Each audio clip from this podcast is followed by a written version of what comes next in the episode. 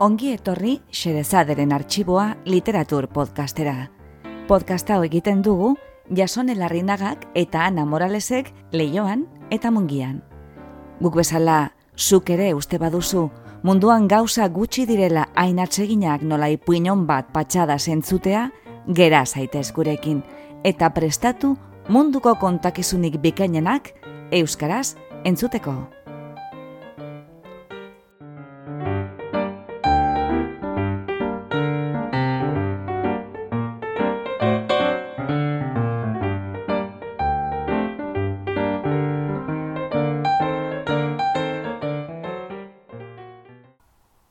Gaur, xerezaderen arxiboan, Feng Shuiaren errua. Egilea, Katixa Agirre. Sarrera, Ana Morales. Katixa Agirre, mila bedratzion eta larogeta batean jaio zen gazteizen. Idazlea, kasetaria, eta ikusentzunezko komunikazioko irakaslea da unibertsitatean. Prentza idatzean kolaboratzeaz gain, zenbait blog ere izan ditu. Ikusentzunezkoen alorrean egindako ikerketari dagokionez, azpimarratzekoak dira Nabokofen Lolitaren zinemako errepresentazioez egindako doktoretesia eta Mad Men telesail estatu batu inguruko asterlan konparatiboa, zeinetan erkatu dituen hiru herrialdetako publikoek telesailaren aurrean izandako erreakzioak ikusleen genero, adin eta nazionalitatearen arabera, feminismoaren ikuspegitik. Haren obra literariora etorrita, agirrek ipuina eta novela landu ditu batez ere.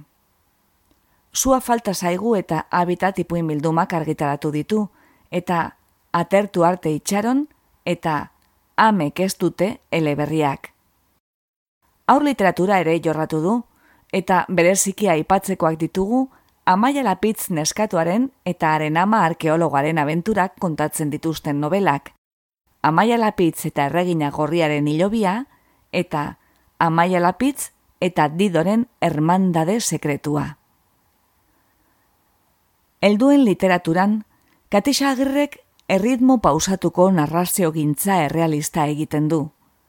Ipuinetan, pertsonaien bizitza puskak aurkezten dizkio irakurleari, nola baitesan, eta haien historioen korapiloak askatzeari baino gehiago, erreparatzen die bakoitzari bere iraganak utzitako astarna edo orbanei eta pertsonaien arteko harremanei, prosa zuzen, argi eta artifizio gutxikoa erabiliz. Gaur irakurreko dugun ipuinak, fengshuiaren errua du izena, eta habitat bildumatik hartutakoa da. Liburu hori, igartza sariari esker argitaratu zuen autoreak 2000 eta bederatzean, kontakizun guztiak batzen dituen gaia, etxea da.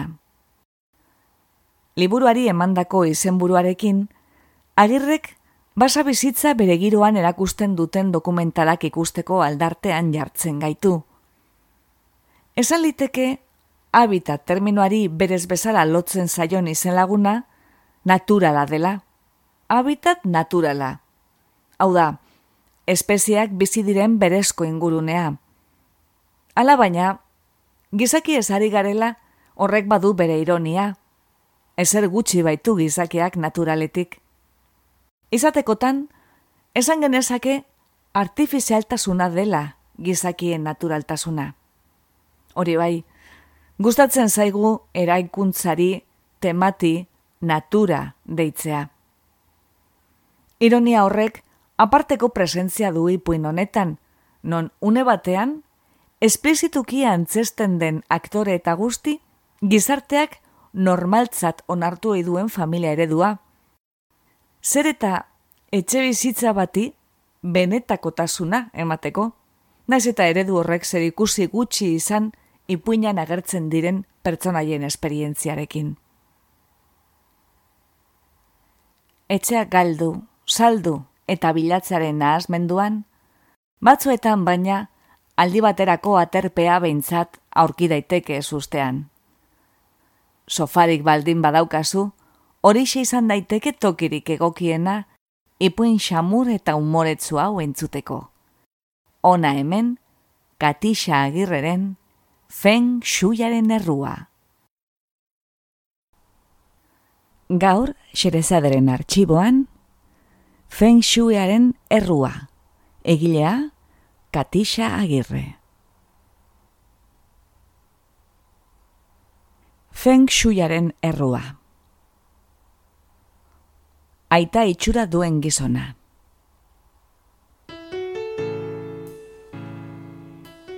Tira ba, aita itxura daukazu, esan dio kafetegian bildu berri zaion emakumeak. Eta gero, bada espada ere. Aitaren nahi egin zen ezake, nik uste, nola ikusten duzu. Begira begira gelditu zaio emakumea, eta baietz esan du gizonak buruarekin. Baietz, ze bestela, ondo ikusten duela, primeran. Gero, beste zerbaiten zain gelditu da emakume ez ezagunaren aurrean. Edo ze gauzaren zain. Improvisazio lana izango litzateke. Hori iragarkian nasaltzen noela uste dut. Emakumeak begietara begiratzen dio. Esploratzaile bat da. Bere intuizioaz baliatzen. Txikiak ditu begiak, aurpegiaren erdigunean multzokatuta. Horregatik espalitz, ederra ere izango litzateke. Baina bere alan ekatu da edo topatu du bilatzen ari zen ondorioa, begira da desbideratu, eta mai gainean sakelako telefonoa eta agenda elektronikoa simetrikoki kokatzeari ekin baitio momentuan, hitz egiteari utzi gabe. Etxe zena bat antzestu beharra dago. Aita, ama, alaba, gozari ederrean, adibidez, tostadak eta egunkaria, dena perfektua eta txegina. Ulertzen da, ezta? Ulertzen da, bai. Gizonak ez dauka inongo zalantzarik. Eta itxura du azken finean, jakina. Nola espa? Badaki zer den etxe esena eder bat. Badaki zeo zer gozariei buruz, ondo jakin ere. Ezena, erosle potentzialek etxea ikuskatzen duten bitartean garatuko da, argi du emakumeak, eta bizita txartela lusatu dio gizonari. HSH, Agentes Inmobiliarios, Ana Uralde, Agente. Parkatu lehenago aurkeztu ez izana, topera nabil eta ez dakit non dudan burua ere. Aita itxura duen gizonak txartela hartu eta nola llegatu den puntu honetara, kafetegi honetara, txartel honetara, galdetu dio bere buruari.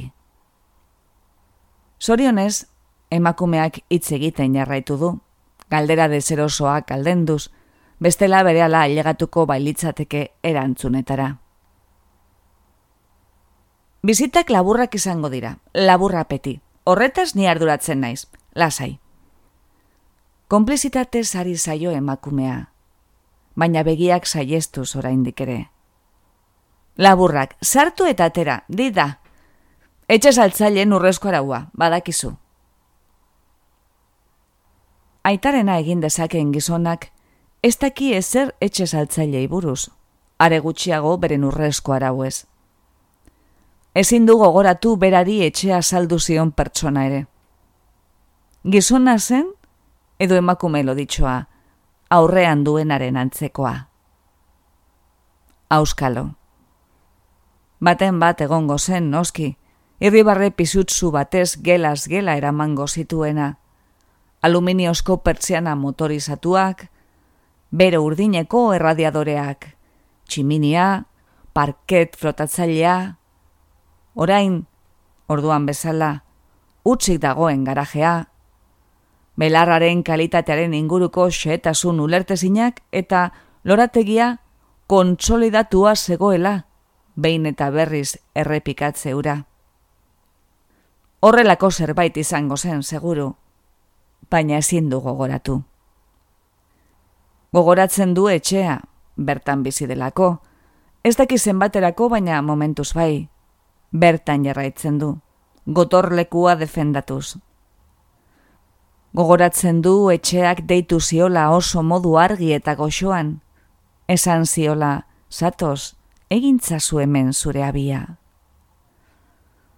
Eta bera abia egiteari lotu zela, emaztea eta bera jarri zirela sukalderi politena, gortinarik dotoreenak eta feng shui dekorazio harmoniatzuarekin etxea betetzen.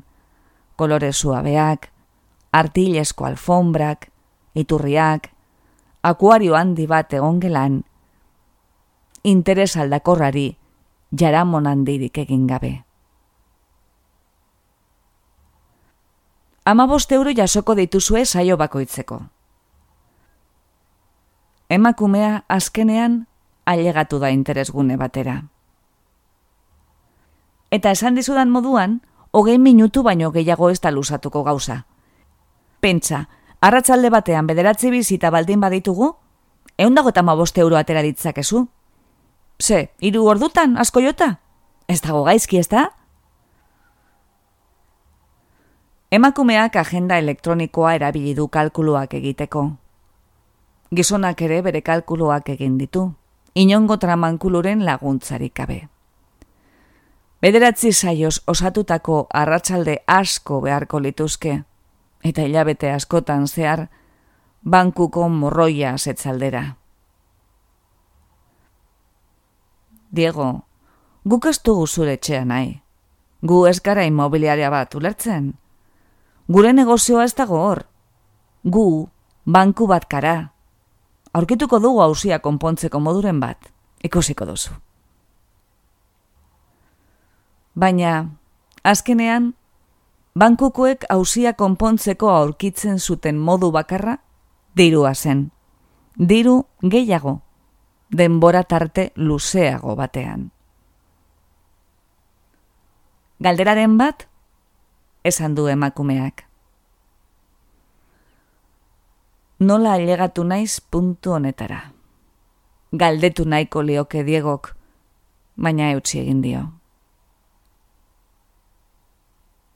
Nola ailegatu naiteke urbanizazio horretara, otu saio bapatean, kotxerik ez duela gogoratuz ez daukat kotxerik. Bila bete dira saldu behar izan nuela, eranztekotan egonda. Baina azkenean, ez du egin.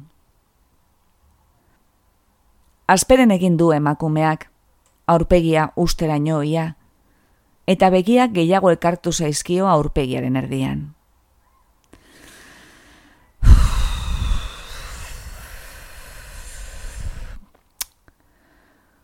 Hemen txegera gaitezke eta nik eramango zaitut nahi baduzu. Lauretan, bihar. Emakumeak telefonoa eta agenda bildu eta rapaladan irten da. Maia utzi geratu da. Ez dute zer eskatu eta Diego egarri da. Ez daki zein ordutan pasatzen den autobusa. Oraindik ez ditu buruz ikasi ordutegiak.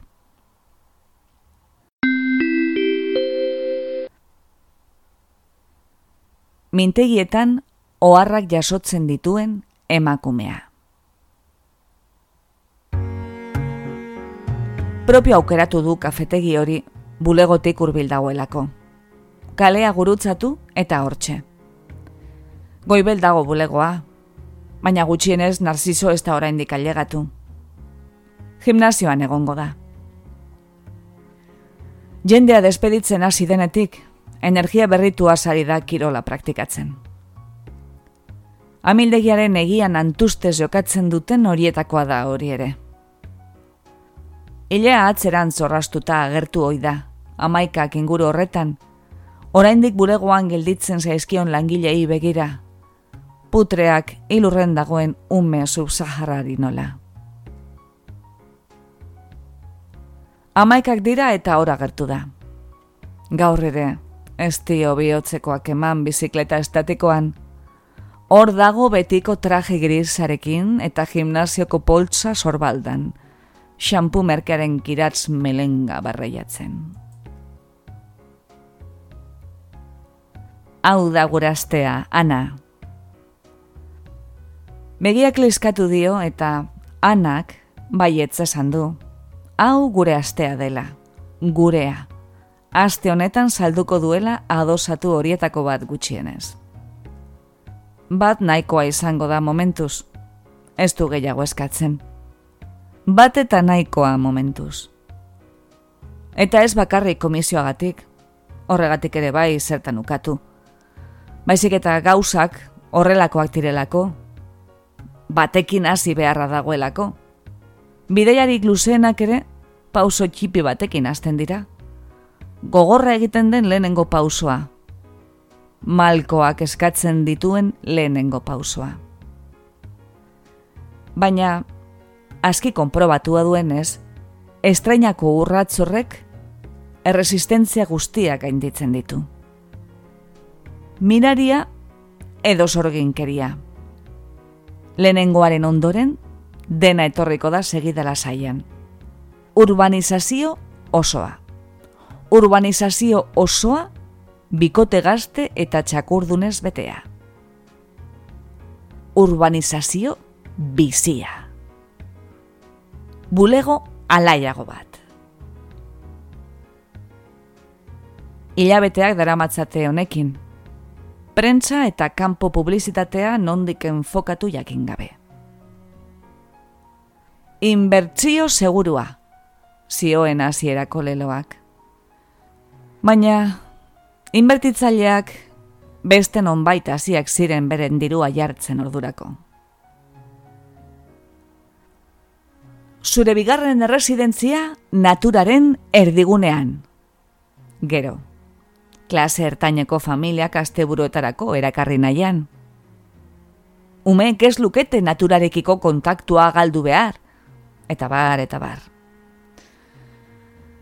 Baina, ai, etzen giro, klase ertaineko familiek aski zeukaten nonbait lehenengo erresidentziarekin, eta bankuak aldiro proposatzen zizkien errebizioekin. Azkenean, beraz, lehenengo erresidentzia gisa aurkeztu behar izan dute urbanizazioko adosatu bakoitza, prezioa apur bat murriztuz gainera. Zure adosatua, iritik hogei minutura. Baikortasunez edo maltzurkeriaz bakarrik esan daiteke, bentakua urbanizazioa iritik hogei minutura dagoela. Baina hori ere, ala da. Zenbakiak kontrolpean izatea da hogi bide honen funtsa. Kezkabide dituanak zenbakiak, horregatik darama agenda beti alboan, kalkulagailua duelako. Behatzak uskurtuta zituela bota dio gizonari kopuru irrigarri hori. Ama boste euro baina gizonak lasai asko onartu du. Bat ere protestarik egin gabe. Postu eta guzti egin dela esan daiteke. Ez daki zergatik arritzen den. Argi dago gizajo hori ez dela aktore profesionala, iragarkian eskatzen zuena. Baizik eta edo zer gauza onartuko lukeen inadaptatua.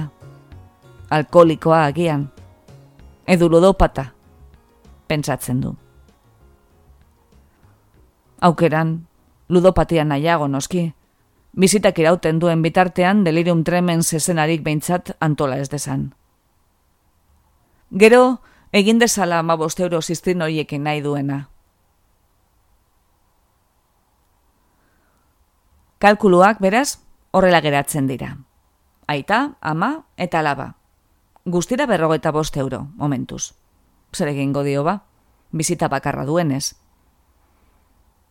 seme bat ere kontrata zezakeen. Hain merkea aterako zitzaiola aurretik jakin izan balu. Baina hau, proba bat besterik ez da. Proiektu pilotoa. Ondo ateratzen bada, aurrera. Aurrera semeta guzti. Bestela aur konpon. Estrategia berriak bilatu beharko ditu.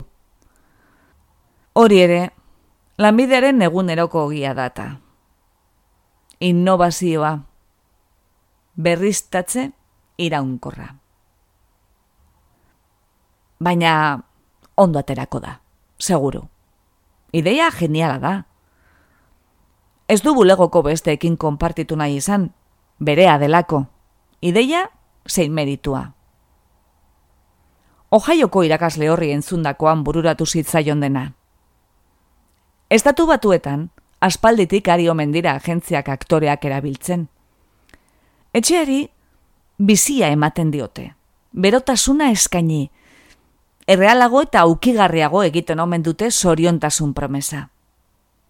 Bazekien zertaz ari zen, ohaioko irakasle horrek. Anak ez zuen detaileri galdu, eta bere egin zuen nabardura oro. Berak, bere kasura, bere zirkunstantzietara egokitu du ideia. Dena ondo gogoratze aldera, tiraderan gordetzen dituen fitxak atera ditu enegarren aldiz hotel dotore horretan burututako mintegian hartutako oharratira. Gerora garbira pasa zituenak, bere letra txukunenarekin. Bizitak motzak izango dira. Utzazu bezeroak lehenengo impresio lausoa imaginazioarekin bete desan. Bezeroak ez du etxe batean bizi nahi, bezeroak telesail bateko protagonista izan nahi du. Bezeroak sukaldea ikusten duenean, amonaren baskari goxoak ekarri behar dituko gora. Eta oea ikuskatzen duenean, bere bizitzako larru jotzea. Poliki, banaka dastatuz, fitxa guztiak berrirakurri ditu. Segurtasuna lortzen du fitxa hauei helduta. Salbazio taula ditu. Urrengo egunean, hau guztia saldu beharko dio aitarena egingo duen gizonari. Astiro eta pazientziaz. Afizionatu bat besterik ez dela argi geratu denezkero.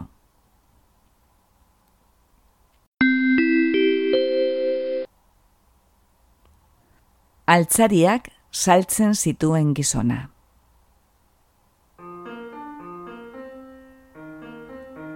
Zain egon behar izan du aitarena ekingo duen gizonak, baina azkenean auto zailegatu da imobiliareako emakumea. Autoa txikia da, klio zar bat, eta atzeko partea trastez beterik dago. Pampina bat, flotagailu erdipustu bat, aldizkariak, gehiago ezin izan du identifikatu gizonak. Ez da nahi ere. Ordena salea da bera, betidanik. Desordena, buruna asiaren isla baino ez da. Desorekaren ondorioa. Atzo baino asko azeleratuago datore emakumea gaur, begiak aurpegiaren ertzetaran zalboratuta bezala bapatean agian gidatzean urduri jartzen delako. Eta gainera, berritzu ere etorri da. Uala lotzeko astirik gabe, kalamatrika ederrarekin hasi zaio. Ameriketako telesailak eta Ohioko irakasleak eta monaren baskariak direla eta ez direla. Gizonak ez du ezer ulertzen. Bere autoa hartzen du gogoan, Volkswagen turan bat, Etzen txarra auto hori, auto familiarra, zabala, aita itxura duen gizon bati dagokiona. Volkswagen turan kutxuna, orain dela bi hilabete gaizki saldu behar izan zuena. Espero gabeko komisio batek edo euroborraren esusteko iguera batek edo auskalosek, hobez gogoratzea, bultzatuta, agertu zen lehenengo erosleari eman behar izan zion. Zure errua da. Esan zion emazteak, ondorio horretara ailegatzeak, alegin izugarri bat eskatu izan balio bezala. Zure errua da, eta nirea, inutil batekin eskontzeagatik. Hori etzuen esan, baina agerikoa zen. Margenako mendatzen dute, zurtasuna, burua finean. Eta zuk, zer egin zenuen? Margena eta zurtasuna popatik hartzera bidali eta kontroli gabe gastatzen hasi etzenuena eta inoiz izango estuzuna gastatu dituzu. Handiegia zen etxea, esan izun. Zertarako nahi genituen guk, hainbeste logela. Eta lorategi bat, favorez. Lorategi kontsolidatu bat. Baina egoskortu egin zinen. Ume gehiago egingo ditugu, esaten zenidan. Eta zuaitz gehiago landatuko. Txoropitu alakoa. Eskerrak esken egin, imaginatu. Gizonak ez du ahazten ordea. Emazteak dekorazioan jarri zuen zuarra. Nola tematu zen bere pasio berriarekin. Feng Shuiya. Etzen merkea, Feng Shuiya. Internet bidez, kalabazak eta buda irribarretzuak erosten hasi zen. Dragoi bareta ipatzen zuen behin eta berriz, eta izpiluak leku saldatzeari ekin zion. Gero akuario ura etorri zen, eta iturriak, barruan zein kanpoan. Txigora eta txibera. Etzen isiltzen. Zen lorategi bat egiteko proiektua, garaiz gelditu zen bide bazterrean. Eta hipoteka ordaintzeko orduan larri biltzen hasi zirenean, emazteak proposaturiko lehenengo gauza, harrera gelan zeramikazko hiru hankadun apo bat jartzea izan zen horrek erakarriko omen zuen txiona, oparotasunaren mesederako. Eta arrain gehiago sartu nahi izan zituen akuarioan, eksotikoak eta garestiak. Txineraz, arrain eta oparotasun hitzak berdin idazten direlako. Nola trebitzen zara fengsuiari errua botatzen, koikualakoa. Kontuak egingo ditugu babua, mai gainean jarriko dugu orain nori dagokion zorraren satirik handiena? Hori egitea nahi duzu? Horrelakorik, ez dio inoiz izan emazteak, noski. Diego kere, ez dio lako fensuiari errua bota nahi izan. Zer gerta ere. Imobiliariako emakumeak inguruko gidari guztiak iraintzen dituen bitartean, Gizonak bankuko zuzendariaren azken proposamena errepasatzen du. Ezertarako balio ez duela badakien arren. Gabezia deitzen dio bankuko jendilajeak. Gabezia. Favore moduan azaldu dio gainera. Bera bezero preferentea balitz moduan. Ba, bai, noski. Jaka aulkiaren bizkarraldean utziz eta lagunko imintzatuz baina gabezia delakoak ez du bere araso nagusia konpontzen. Urtebetez, interesak baino ez zenituzke ordainduko. Ulertzen duzu, Diego. Dena ahaztuta utziko genuke urtebetez. Gauzak konponditzasun. Parentesi bat. Aire hartzeko abagunea. Eta urtebeteren bueltan jarraituko genuke errebizio bat egin eta gero. Nola ikusten duzu?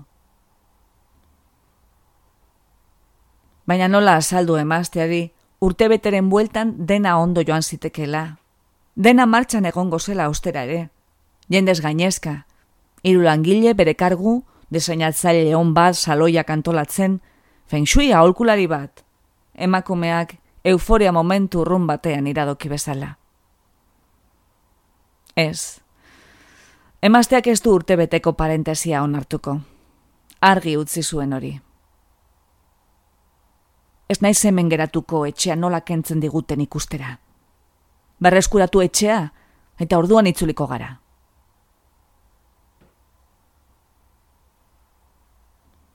Parkatu, nola zenuen izena? Emakumeak, orain bai, bere aldera begiratzen du.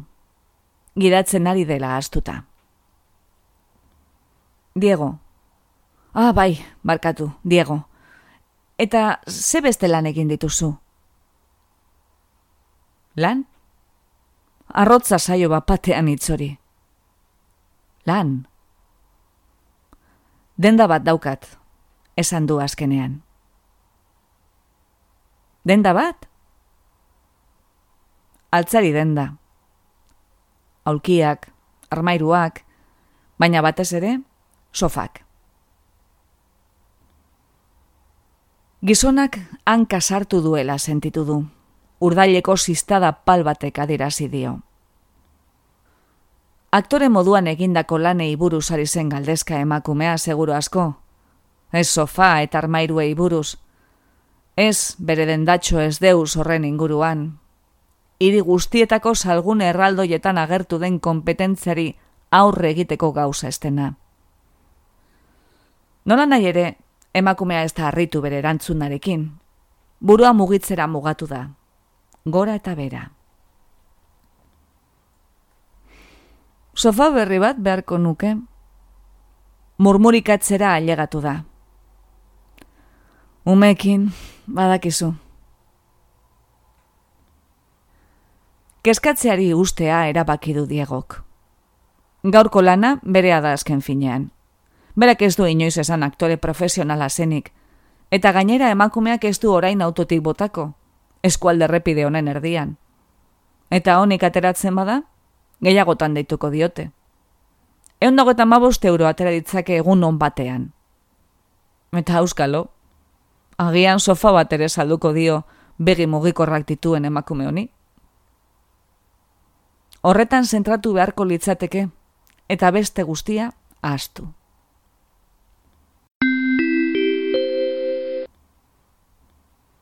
Orduak lapurtzen zituen emakumea. Bentakoa urbanizaziora ailegatu direnean, hor daude ama eta alaba. Aizparen bitartez, antzarki talde berekoa komendira, kontaktatu dituen bi emakume psikotropiko horiek. Itxura guztien arabera, bezpa txiki batekin ailegatu dira biak. Kaskoak oraindik altzoan. Hor ikusi dituenean, taberna eta zentro soziala izango den eraikinaren kanpoaldean, paretaren kontra eserita, posik, eskolako txango batean bezala, hanka sartu duela sentitu du emakumeak. Biotzeko ziztada pal batek adirazi dio. Bi emakume horiek, musutruk egingo lukete lana. Ordaintzeko prestere egongo lirateke seguru asko. Aurpegietan ikusten zaie hogeita marre euro zaborretara. Eta ez hori bakarrik. Gertutik begiratu duenean, elkara aurkeztu dutenean, antxe bertan erotzekotan egon da ana. Bi emakumeen artean, ez dago amar urte baino gehiagoko diferentzia. Batako geita amar urte inguru izango ditu. Besteak berrogei baino gehiago ez. Aizpak izan daitezke, Hori ere ez, fizikoki guztiz antagonikoak direlako. Lo ditxo betzarana bata, anorexiko hileoria bestea. Baina inolaz ere ez ama alabak. Anaren aizpak esan zuen moduan. Berandu da ordea plan aldatzeko. Pazientzia handi zuzendu zaie, lusatu die txartel bana, baina lasteri garri du, arazoak izango dituela bi hauekin. Familiako paperak banatzen hasi direnean, emakume esarrenak alabarena egin nahi du, eta gazteenak amarena. Beren rolak diversifikatzea gustatzen zaie, hala esan dute. Interesgarriagoa izango menda horrela. Fisikoak eluke aktoraren lana hainbeste mugatu behar. Baina hor, tinko jarri da ana, ez ez, ez da pentsatu ere, Berak ordaintzen du, berak agintzen du. Berrogei urteko amak, hogeita mar urteko alaba izango du, eta kitxo. Zorionez, gizonak ez du eragozpenik jarri aitarena egiteko, eta adosatu pilotuaren atea ireki die, egoeraren kontrola berreskuratuta. Hemen itxaron beharko duzue, bezoren bila joan beharra daukat. Begiratu lasai etxea, zuena egin, eroso sentitu eta nahi baduzue zerbait entzeatu. Gogoratu telesail bateko esena xarmagarrian nahi dugula. Familia giro atsegina. Gozari eder bat, edo erlojua bekiratuz. Afari merienda bat. Eta atea itxi duanak, denboraz oso justu dabilelako. Ez da irukotea azfido. Sekulakoa antola dezakete etxe barruan.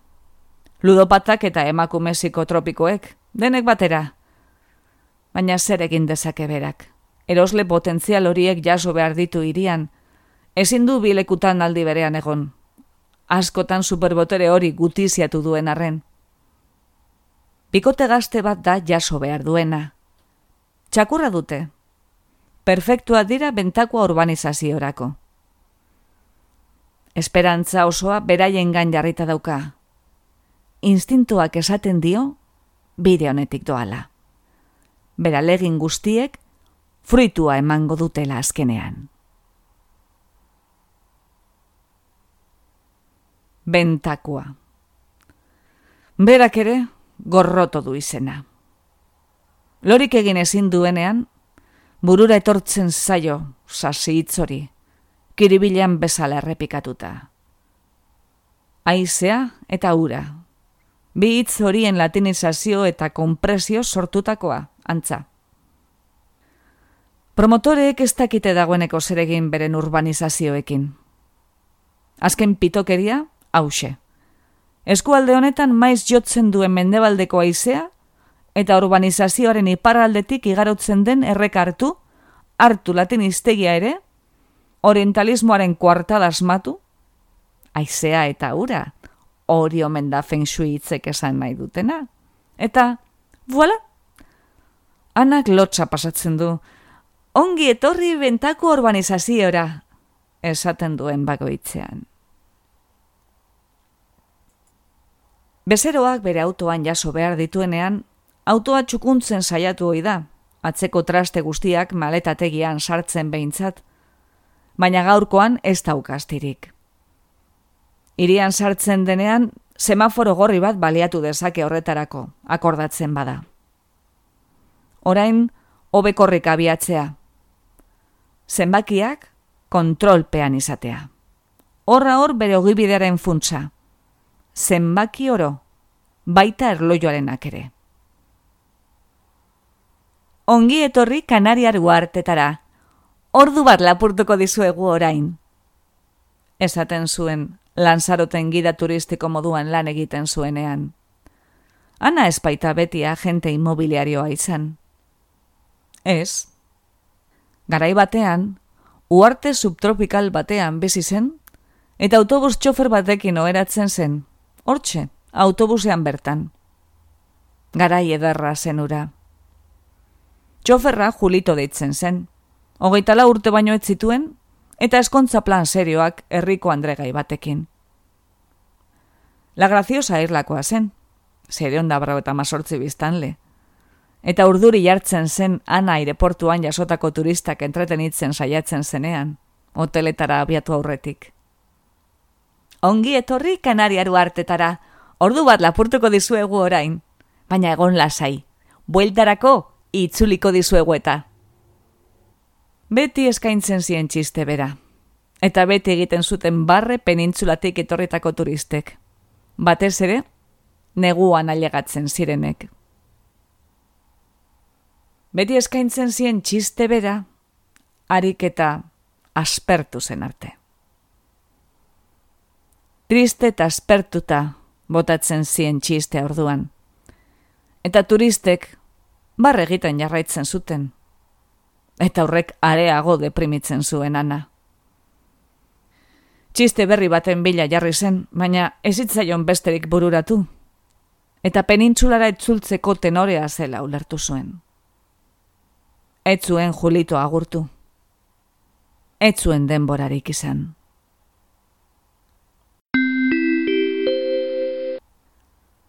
diafragmarik ez duen gizona.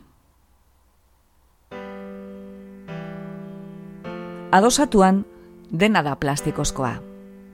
Platerak, telebista, ogia eta loreak. Zukalde gongela eta bigela txiki osatuta dago etxea, gehi bainugela bat, logelen artean. Solairu bakarra noski. Merkea da zukaldea, merkatuko merkeenetakoa eta eskasak altzariak. Kaka itxurosoa.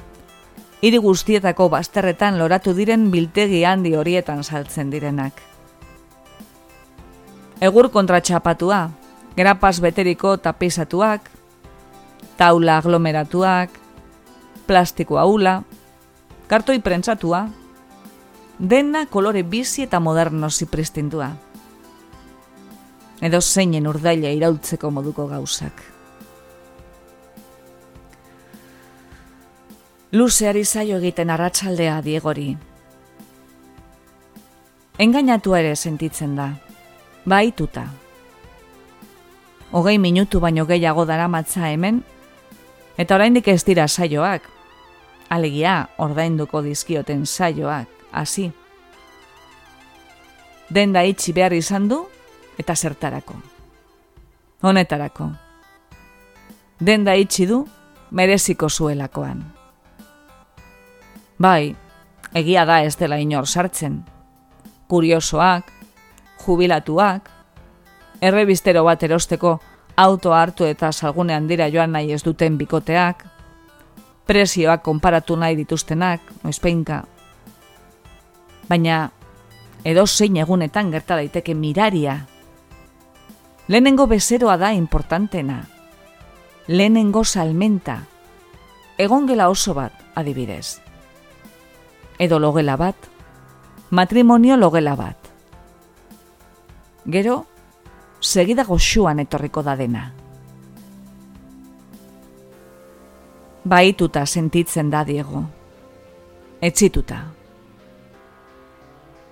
Bere lankideak, ordea, gogosari dira emanaldirako prestatzen. Diafragmariketak praktikatzen dabiltzala esan diote, alai. Funtzeskoa diafragmarena. Ahotsa behar bezalaterako bada. Antzokia beteko badu.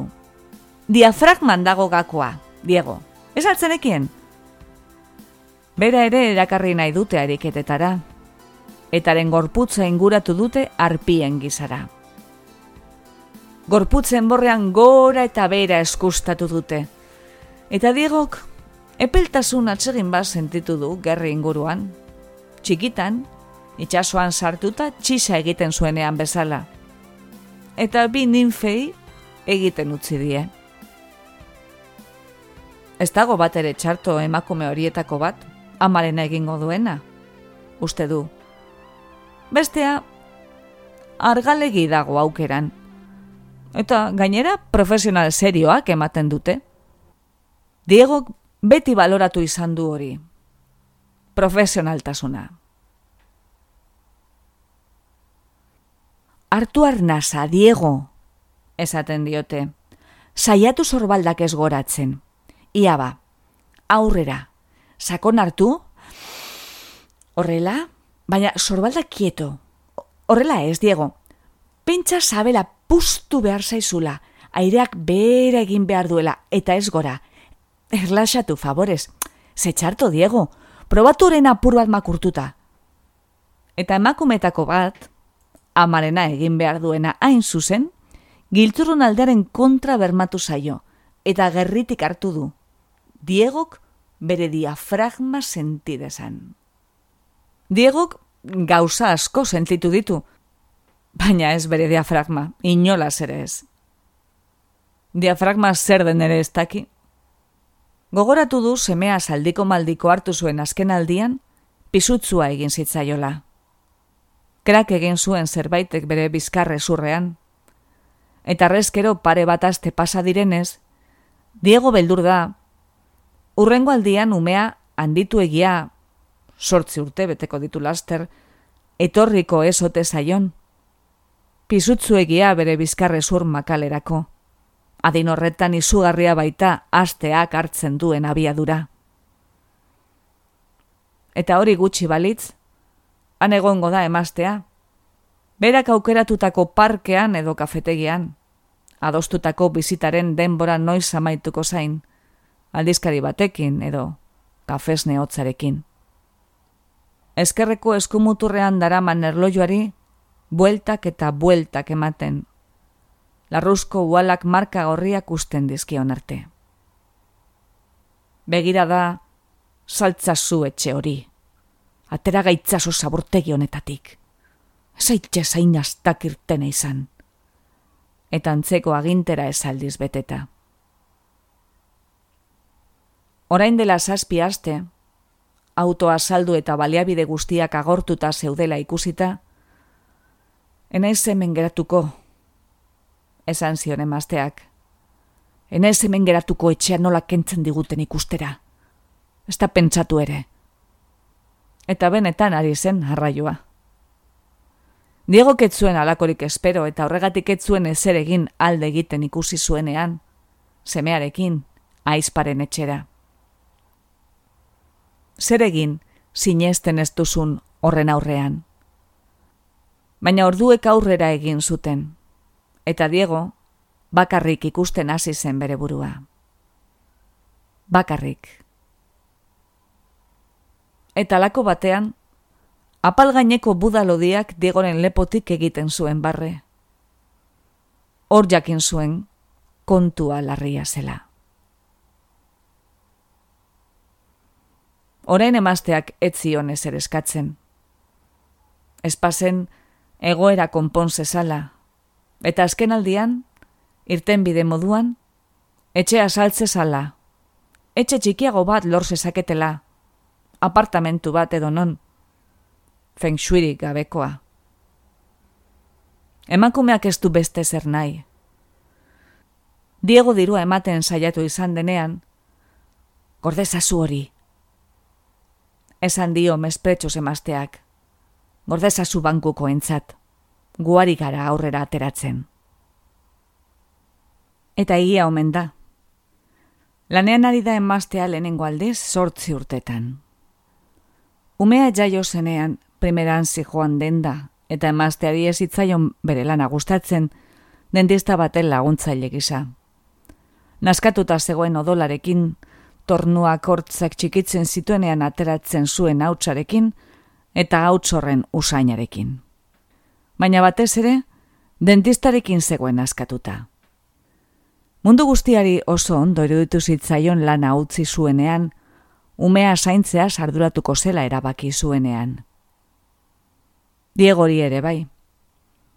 Gustuko zuen bere familia zaintzea, oberena lortzea haientzat bere misioa zen. Eta ondo burutzen zuen, garai hartan.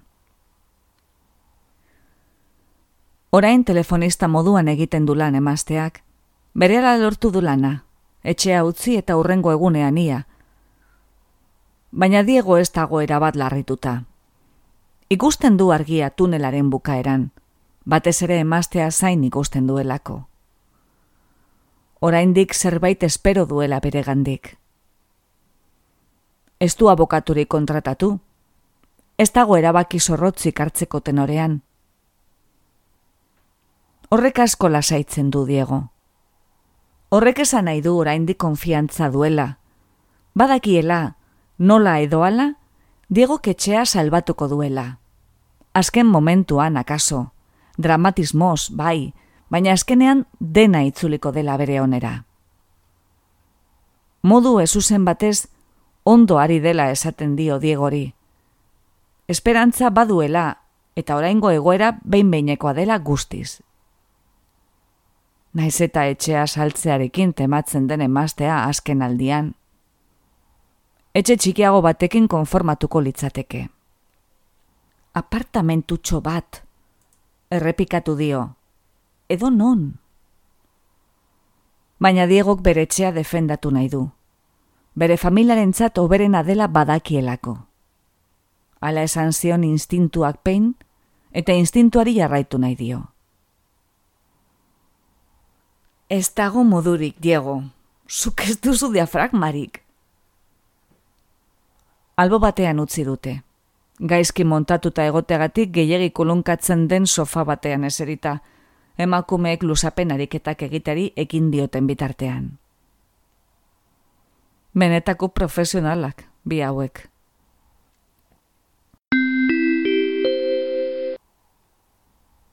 Gizon bat engainatu zuen emakumea.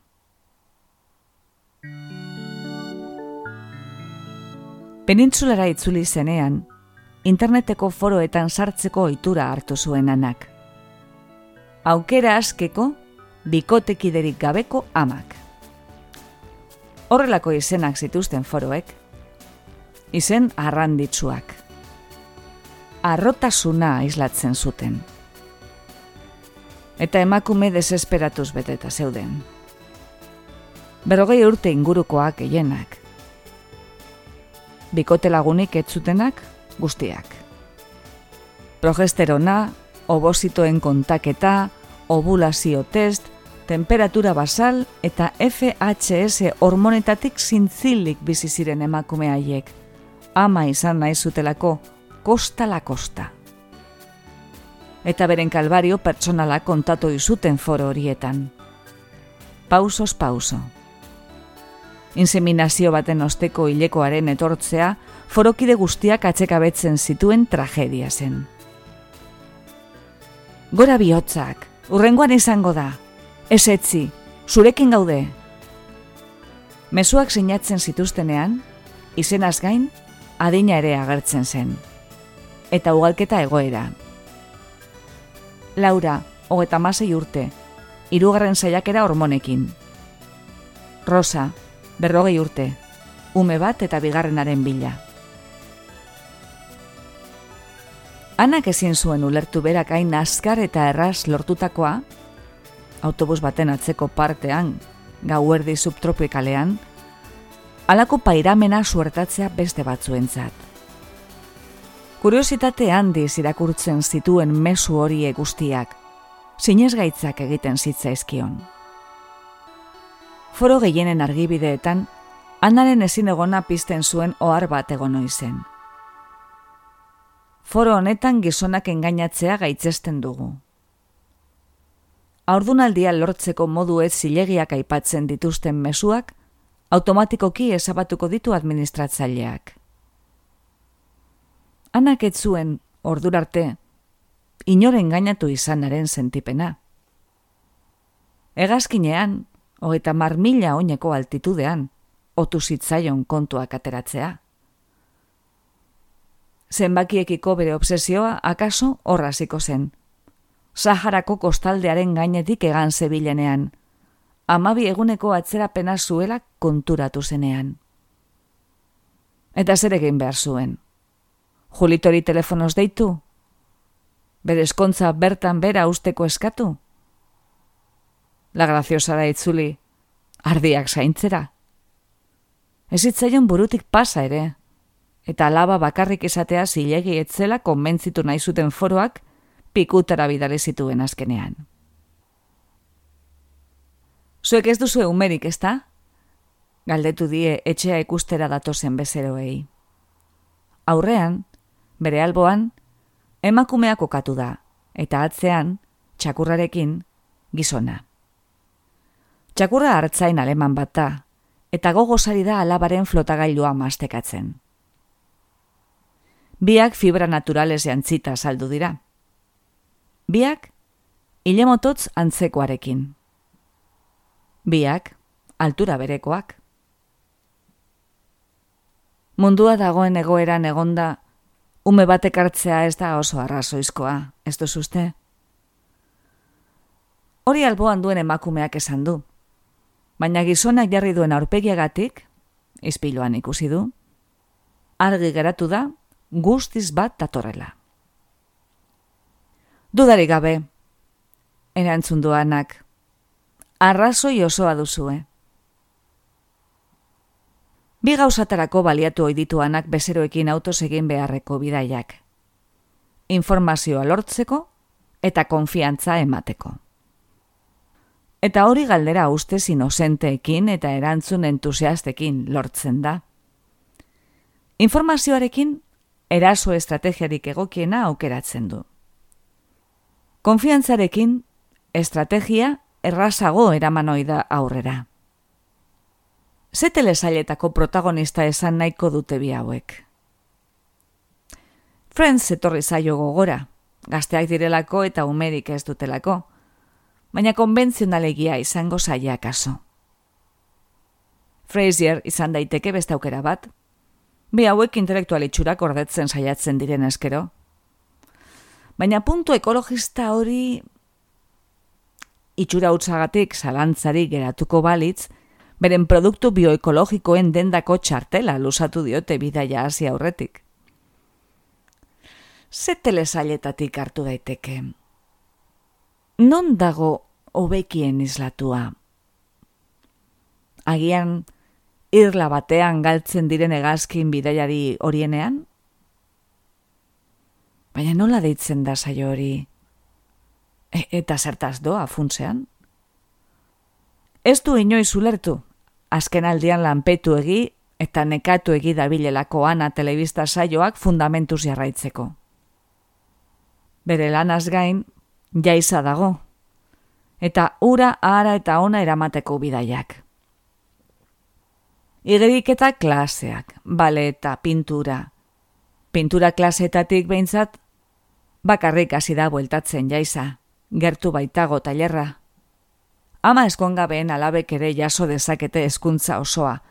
Olioz pintatu dezakete eta baleta egin. Eta bakarrik itzul daitezke txera. Txikitatik ikasi dutelako buruaskiak izaten. Telesailetan pentsatzeari utzi dio anak. Berdin dio. Aktore kuadrilari ere, nekez azaldu alizan dio zer nahi duen. Eta bezero hauek, tira, ez daki zergatik, baina iruditzen zaio ez dutela telebista askorek ikusten.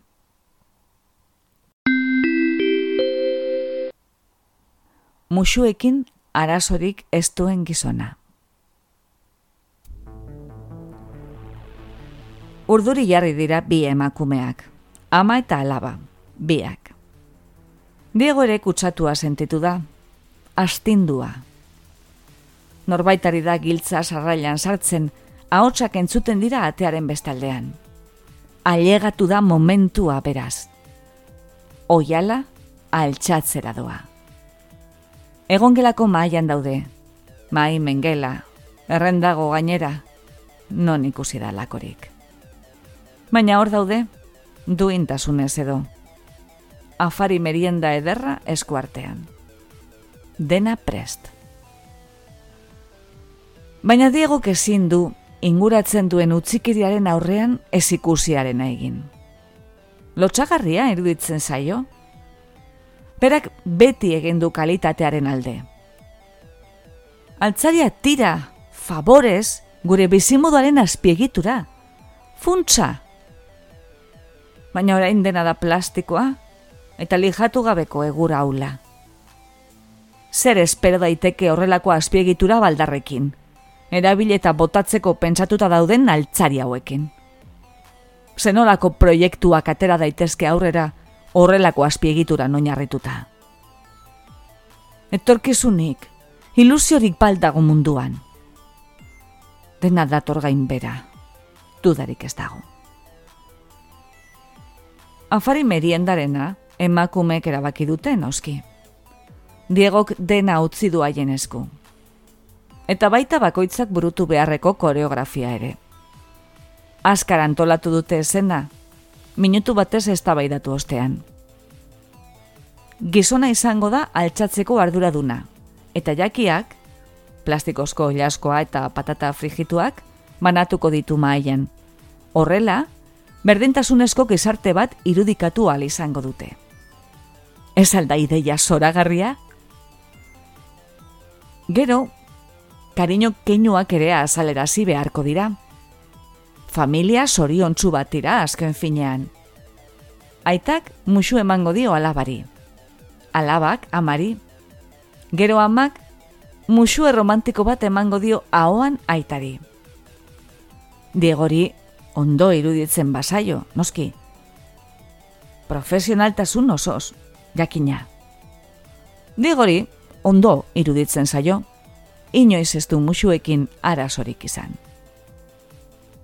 Diegori dena argi ote duen galdetu diote. Bai ez, berak. Eta labak begiak leskatu dio.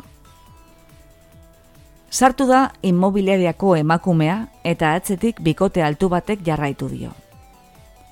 Zaunkaka, txakur zikin bat sartu da gero. Bikiak ematen dute, bioiek. Itxura narraza dute. Arropa zabalegiak norden arra eta norremea igartzeko.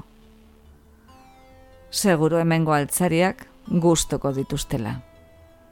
Ah, altzari narrasak. Bizitza proiektu eskasa. Baina ez du ematen, ez?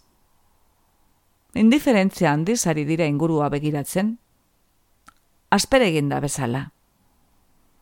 Agentearen entusiasmoak ez du oiartzunei bikotearen aurpegi grisetan kuriosetatea piztu dien gauza bakarra, maian garatzen ari den banketea da. Diegok, begira sentitu dituenean, placer arpegia jarri du. Oiaskoa izugarri ona dagoelako, eta patata frigituak zer esanik ez. Ama eta laba ere, gogosari dira jokatzen. Paseda zurpitzerra mesedez? Amak. Tori ama, hemen duzu alabak. Elkarrizketak improvisatzeko ere gauza dira hauek. Diegok nahiago do isilik egon. Zer egiten dute horiekor? Galdetu du Diegok gizontzat hartu duenak. Immobiliariakoa urduri jarri da. Irribarrea desagertu zaio eta Diegori jada ezaguna zaion aurpegi keino horrekin, begiak aurpegiaren gunetik aldenduz, bizitasunari eta zoriontasun ukigarriari buruz hitz egin die, etxeko epeltasunari eta ulertu ez diren beste gauza batzuei buruz, eta baino gelarantz gidatu ditu segituan. Txakurrak, jabei jarraitu aurretik, zaunka egin die aktorei modu mea txagarri batez. baino gelara joan berko ginateke. Proposatu die bere maikidei alabarena egiten duenak. Baina bere ala erabaki dute ez ez, txikiegia dela baino gela guztientzat. Agentea, bibezeroak, txakurra eta haiek irurak eta gainera zenolako esen antzestu dezakete bertan. Profesionaltasunak baditu bere mugak. Bai, hobeda hemen itxerotea. Inertzeaz edo plastikozko olaskoa daztatzen jarraitu dute. Apur bat decepzionatuta daude irurak, baina badago egoera konpontzeko aukerarik. Itzultzen direnerako, musudantza astea adostu dute. Badakizu Diego, zu hasiko zara. Profesionaltasun osoz. Desenkusatu da ama berriro ere.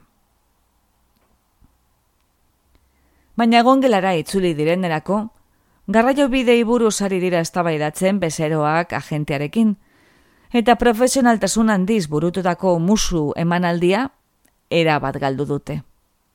Pena izan da. Ez, ez dago ona llegatzen den garraio publikorik momentuz. Jakena, gerora dena itzegin daiteke, dena proposatu daiteke. Bizikletaz? Tira, ez dakipa, Ikusi duzue, hogeita amabos kilometro dira iritiko na. Kiroari finak baldin basarete, baina zer getatzen da. Ez duzue autorik ala? Bikotean bigoak aurpegi txarra jarri du. Oso txarra. Eta esetz esan dute, erabat ofendituta. Haiek ez dutela autorik. Eta Diego, miserable sentitu da, kotxe gabezia, bi horiekin konpartitzeagatik. Autoak ekosidak eta omizidak direla, eta nolatan erosi eta erabiliko duten haiek hiltzeko makina naskagarri hoietako bat. Inmobiliariako emakumea negarraren egian dago. Hori jangelako maitik ere ikus daiteke, eta hala ere, ahotsa hul batez, amabos metro kuadroko lorategia erakusteko gonbita luzatu die erosle potentzialei, eta alde egin dute irurek. Txakurrak, zaunka egin die berriro, etxetik irten aurretik.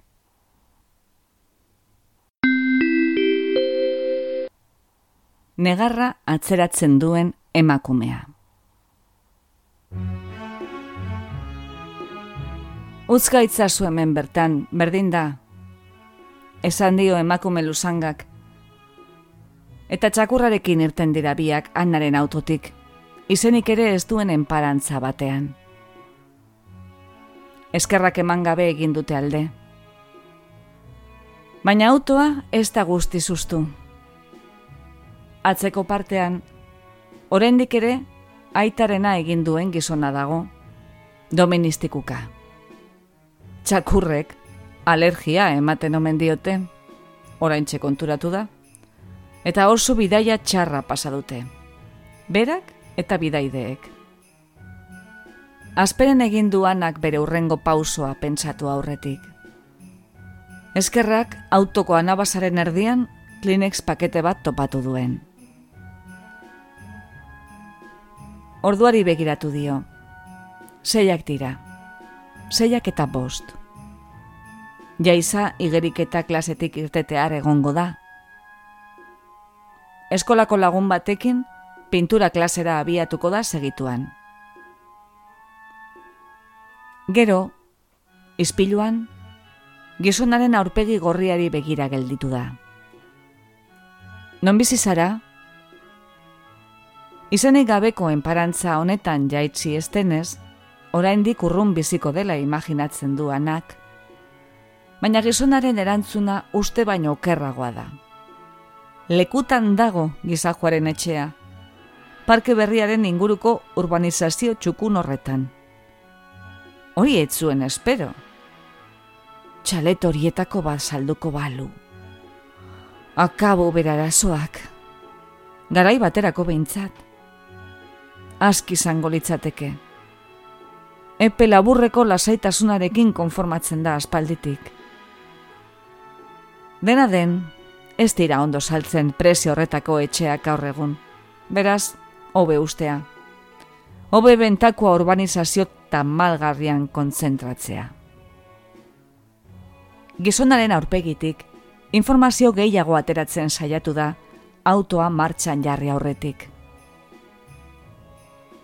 Ludopatiaren hipotesiak indarra hartzen du. Klase ertain altuko gizona soldata osoa txampon makinetan xaututa, edo nondik atera behar du dirua, emaztaren aurrean zuloa tapatuko badu.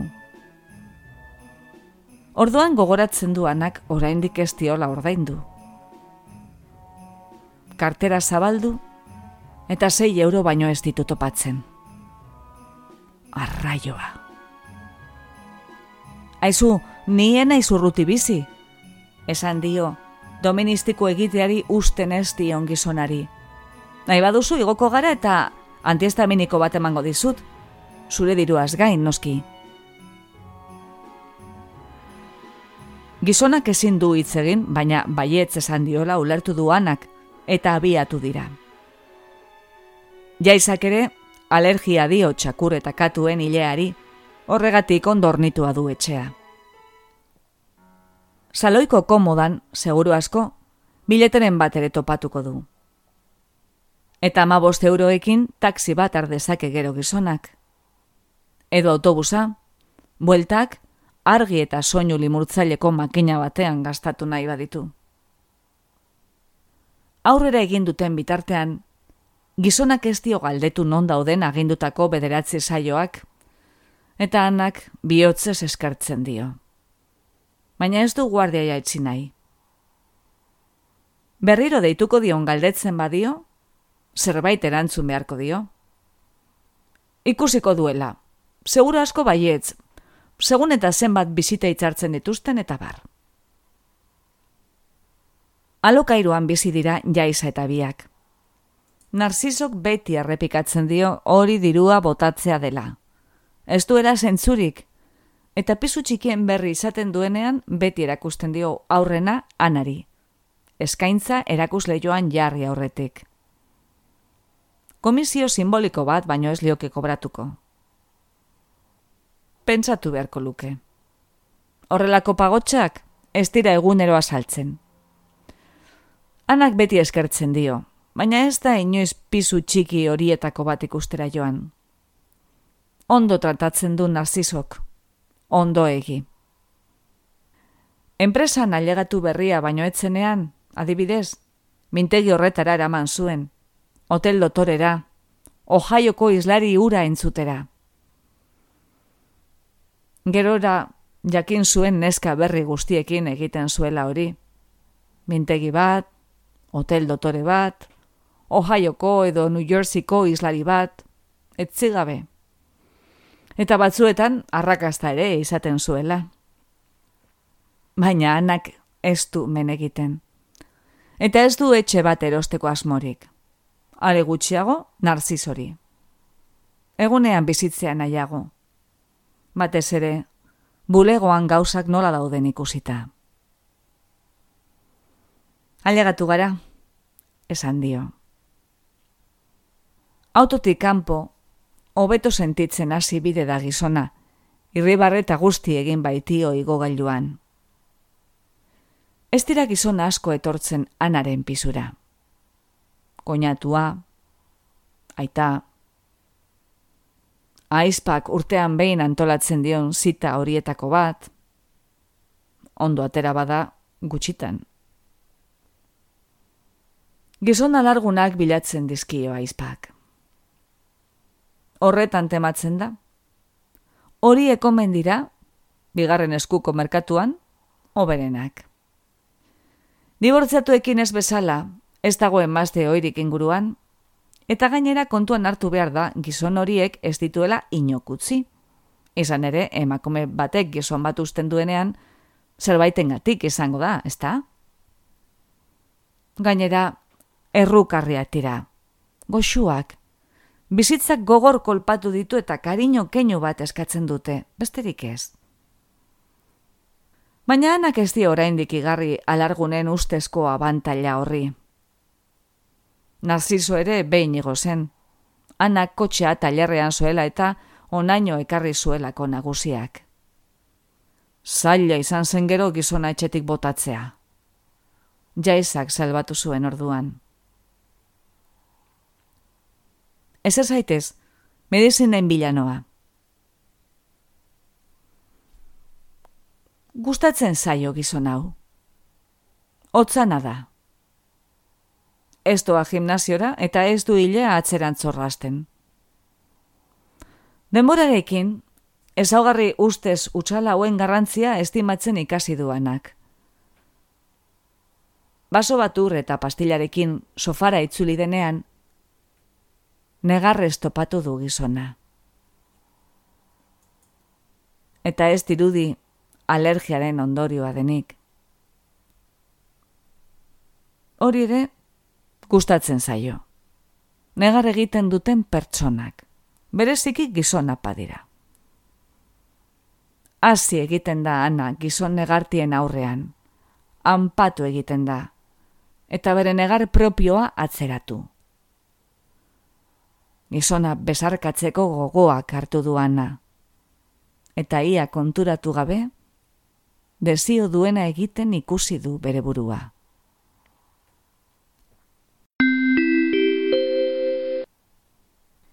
Sofa oeak gorroto dituen gizona. Sofa honek bizitzak salba ditzakete. Horrela pentsatzen du Diegok, ziur dago. Eta ez du feng shui jakintza milenarioaren laguntza behar hori jakiteko. Esperientziak esaten dio. Zentzu komunak. Imobiliariako emakumearen sofa ikusi duenean, are gehiago bertan eserarazi duenean, konfirmatu da bere hipotesia. Sofa berri bat behar du emakume honek. Eta urgentzia handiz, sofa zaharkitu eta zikin honetatik ateratzen den energia negatibo guztia ezabatu beharra dago. Batez ere, energia negatiboak emakumea jarraitzen duelako etxetik kanpo ere. Autoan, adosatuan, aurreko eguneko kafetegian, ezin izan du lertu, baina orain, argi dago sofa honetatik datorrela emakumearen malenkonia oro. Bera ez da jakitun izango, baina horrexegatik behar du Diegoren laguntza. Dendan momentu honetan dauzkan sofa guztiak hartu ditu gogoan. Emakumearen bizitzara ondoen egokituko litzatekenaren bila. Sofa bat bizitzaren erdigunea izan daiteke. Loaren, jokoaren, lasaitasunaren, maitasunaren, zein elikaduraren erdigunea. Hor hasten da dena. Hor jarraitzen du denak. Zaindu beharreko detaila da, hortaz. Errepaso askar baten ostean, uste du badakiela zein den emakume honentzako sofarik egokiena. Atila du izena. Hiru pieza, long eskerretara, pinu egurra eta partikula tableroa. Pago lakatua hankentzat. Kolore berde pistatxoa. Emakume honek duen sofa oearen antipodetan dagoen sofa bat, finean. Ez. Ez aizkio inoiz gustatu sofa oeak. Saldu ere, gutxi saiatu da saltzen bere bizitza osoan. Hibrido naskagarriak. Giza harima ingainatu nahi dutenak. Baina badu emakume honentzako sofa perfektua. Eta salmenta huts batez, emakume honen bizitza salbatu dezakela jakiteak, emozioz bete du Diego. Hori izan daiteke gainera, hainbeste itxaron duen bezero berezi hori. Erresistentzia guztiak haindituko dituena. Inflexio puntua. Behar duena. Emozioak eta alergiak bat egin dutenean, negarrak aspiratuta ikusi du bere burua diegok. Askura du begietan. Aspaldi negarrik egiten ez zuelako akaso are gutxiago, ez ezagunen aurrean. Baina, alakoetara emana ez izanagatik ere, ez du lotxarik bat ere. Kleenex paketea errekuperatzeko denporarik gabe, emakumearen bezarkada samurra sentitu du. Ez du ikusi nondik ailegatu den, barru-barruan sentitu duen arte. Beste emakume ura diafragmaren bila zebileneko epeltasun bera sentitu du Diego korduan. Eta bitxia egin zaio, hainbeste opari egun berean. Ez dago horrelakoetara ohituta, baina gustatzen zaio, nori ez. Gustatzen zaio, sofa hoe batean daudela asteraino. Lehenengo astorame momentua igarota, emakumeren gorputza ikertzeri ekin dio. Konfirmatuta. Bere instintoak ez dio oraingoan ere utzik egin. Gorputz perfektua dauka emakume honek berak buruan zuen sofarako. Ziurtatze aldera, emakumeren arropak kentzen hasi da. Ura bera arropekin gauza bera egiten ari den bitartean. Ez dut egun bat izan. Esan dio ez ustean emakumeak. Postuko didazu arratsaldea, pixka bat behintzat. Arnasa hartzeko denbora hartu du diegok. Sofa berria ipatu nahiko lioke agenteari, eskaintza berezi bat egin, bizita txartela eskaini gutxienez.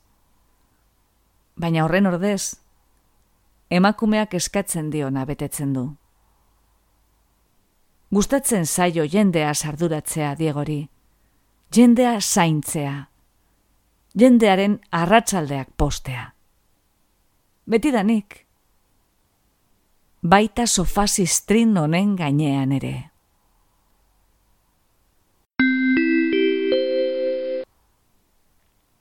Baskaltzeko astirik izan ez duen emakumea. Azkarra izan da dena, eta hobe horrela. Lehenago astuko du. Dutxatik atera eta sorte apur batekin, gizona ospa eginda baldin badago, ez da haren oroitzapenik inon geldituko. Horrela behar du. Eta ez egindako azta mudelako, ez da hori. Baina ezingo luke denbora gehiago galdu. Sofakoari ezin izan dio eutxi, baina orain aurrera egin beharra dauka. Minutu batzuetan, ez pentsatzeko baimena eman dio bere buruari, eta posten da egin izanaz. Baina maitu da. Kitxo. Burua betiko martxara egokitu behar du bere ala. Zernolako bezeroen aurrean nago, zenolako etxean nahi dute, zenbat ordaintzeko gauza dira, nola saiestu narzizoren enegarren gonbita, zer egin bentakoa urbanizazio deprimentearekin, non utzi jaiza larun bat goizetan lan egin beharra dagoenean, zer esan umeak aitaren inguruan galdetzen duen bakoitzean. Bere buruari joaten usten dionean, ardura gabe jokatzen du anak, eta ez dauka eskubide hori. Ez du sekula eskuratu. Berriz jantzi beharrean, pijama jarri du. Ludopatia gora bera, gizon duina ematen zuen egongelako horrek, eta ospa eginda egongo da dagoeneko, apal, beste zer erantzi gabe. Ez di ordaindu, baina ezingo lioke zer eskaini gertatu denaren ondoren. Ama bost eurorekin ere, ez da haren egoera konponduko azken batean. Ilea lehortzen ari denean, giltza entzun du. Jaiza izango da, giltza lepotik zintzirik darama etxera bakarrik etortzen hasi denetik. Eta posi dago eskuratu berri duen independentziarekin. Horain txendoa lastana, ez dut oraindik askaria prestatzeko asterik izan, baina banoa? Esan dio bainu gelatik.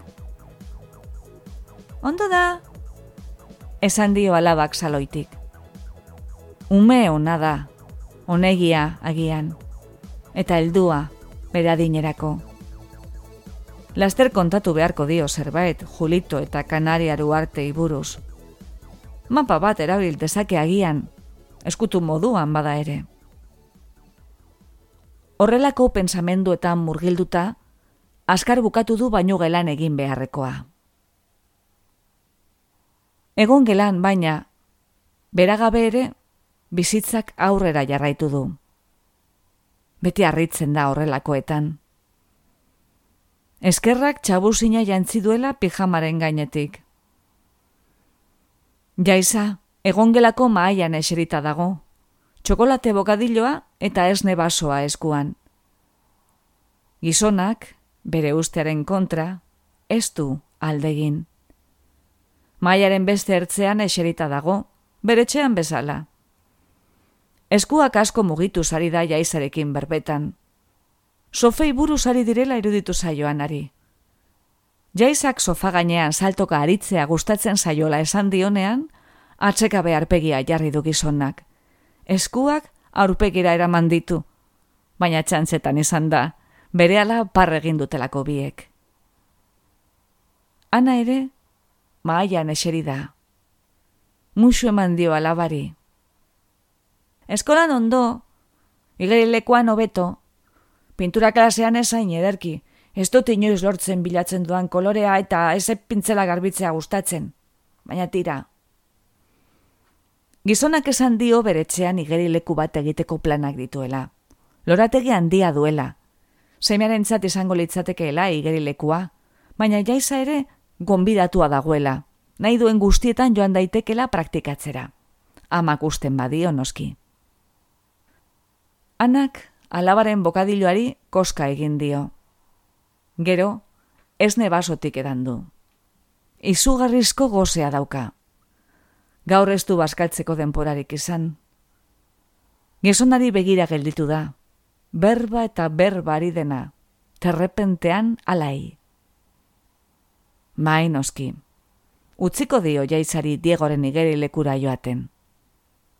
Bai, noski lagunak izan daitezke diegoren semea eta jaiza.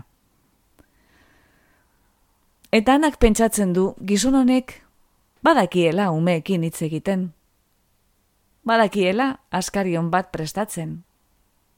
Zalantzarik gabe, aita itxura daukala. Aitarena egin dezakeela.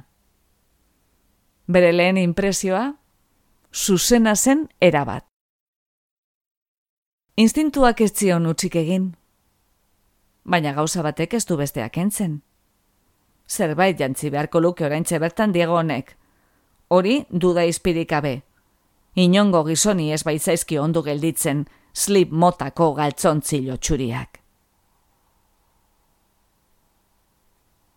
Entzun duzu Feng Shuiaren errua. Egilea Katisha Agirre.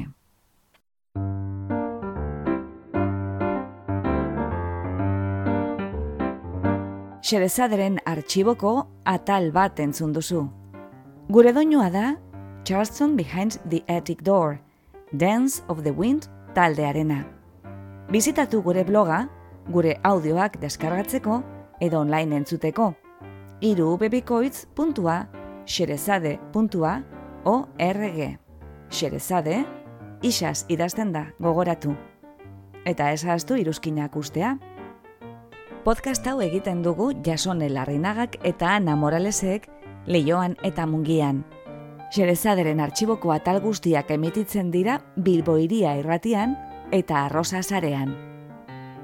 Mila esker gurera hurbiltzeagatik, gustora egon bazara, erdu urrengo batean ostera ere, xerezaderen artxibora. Laster arte!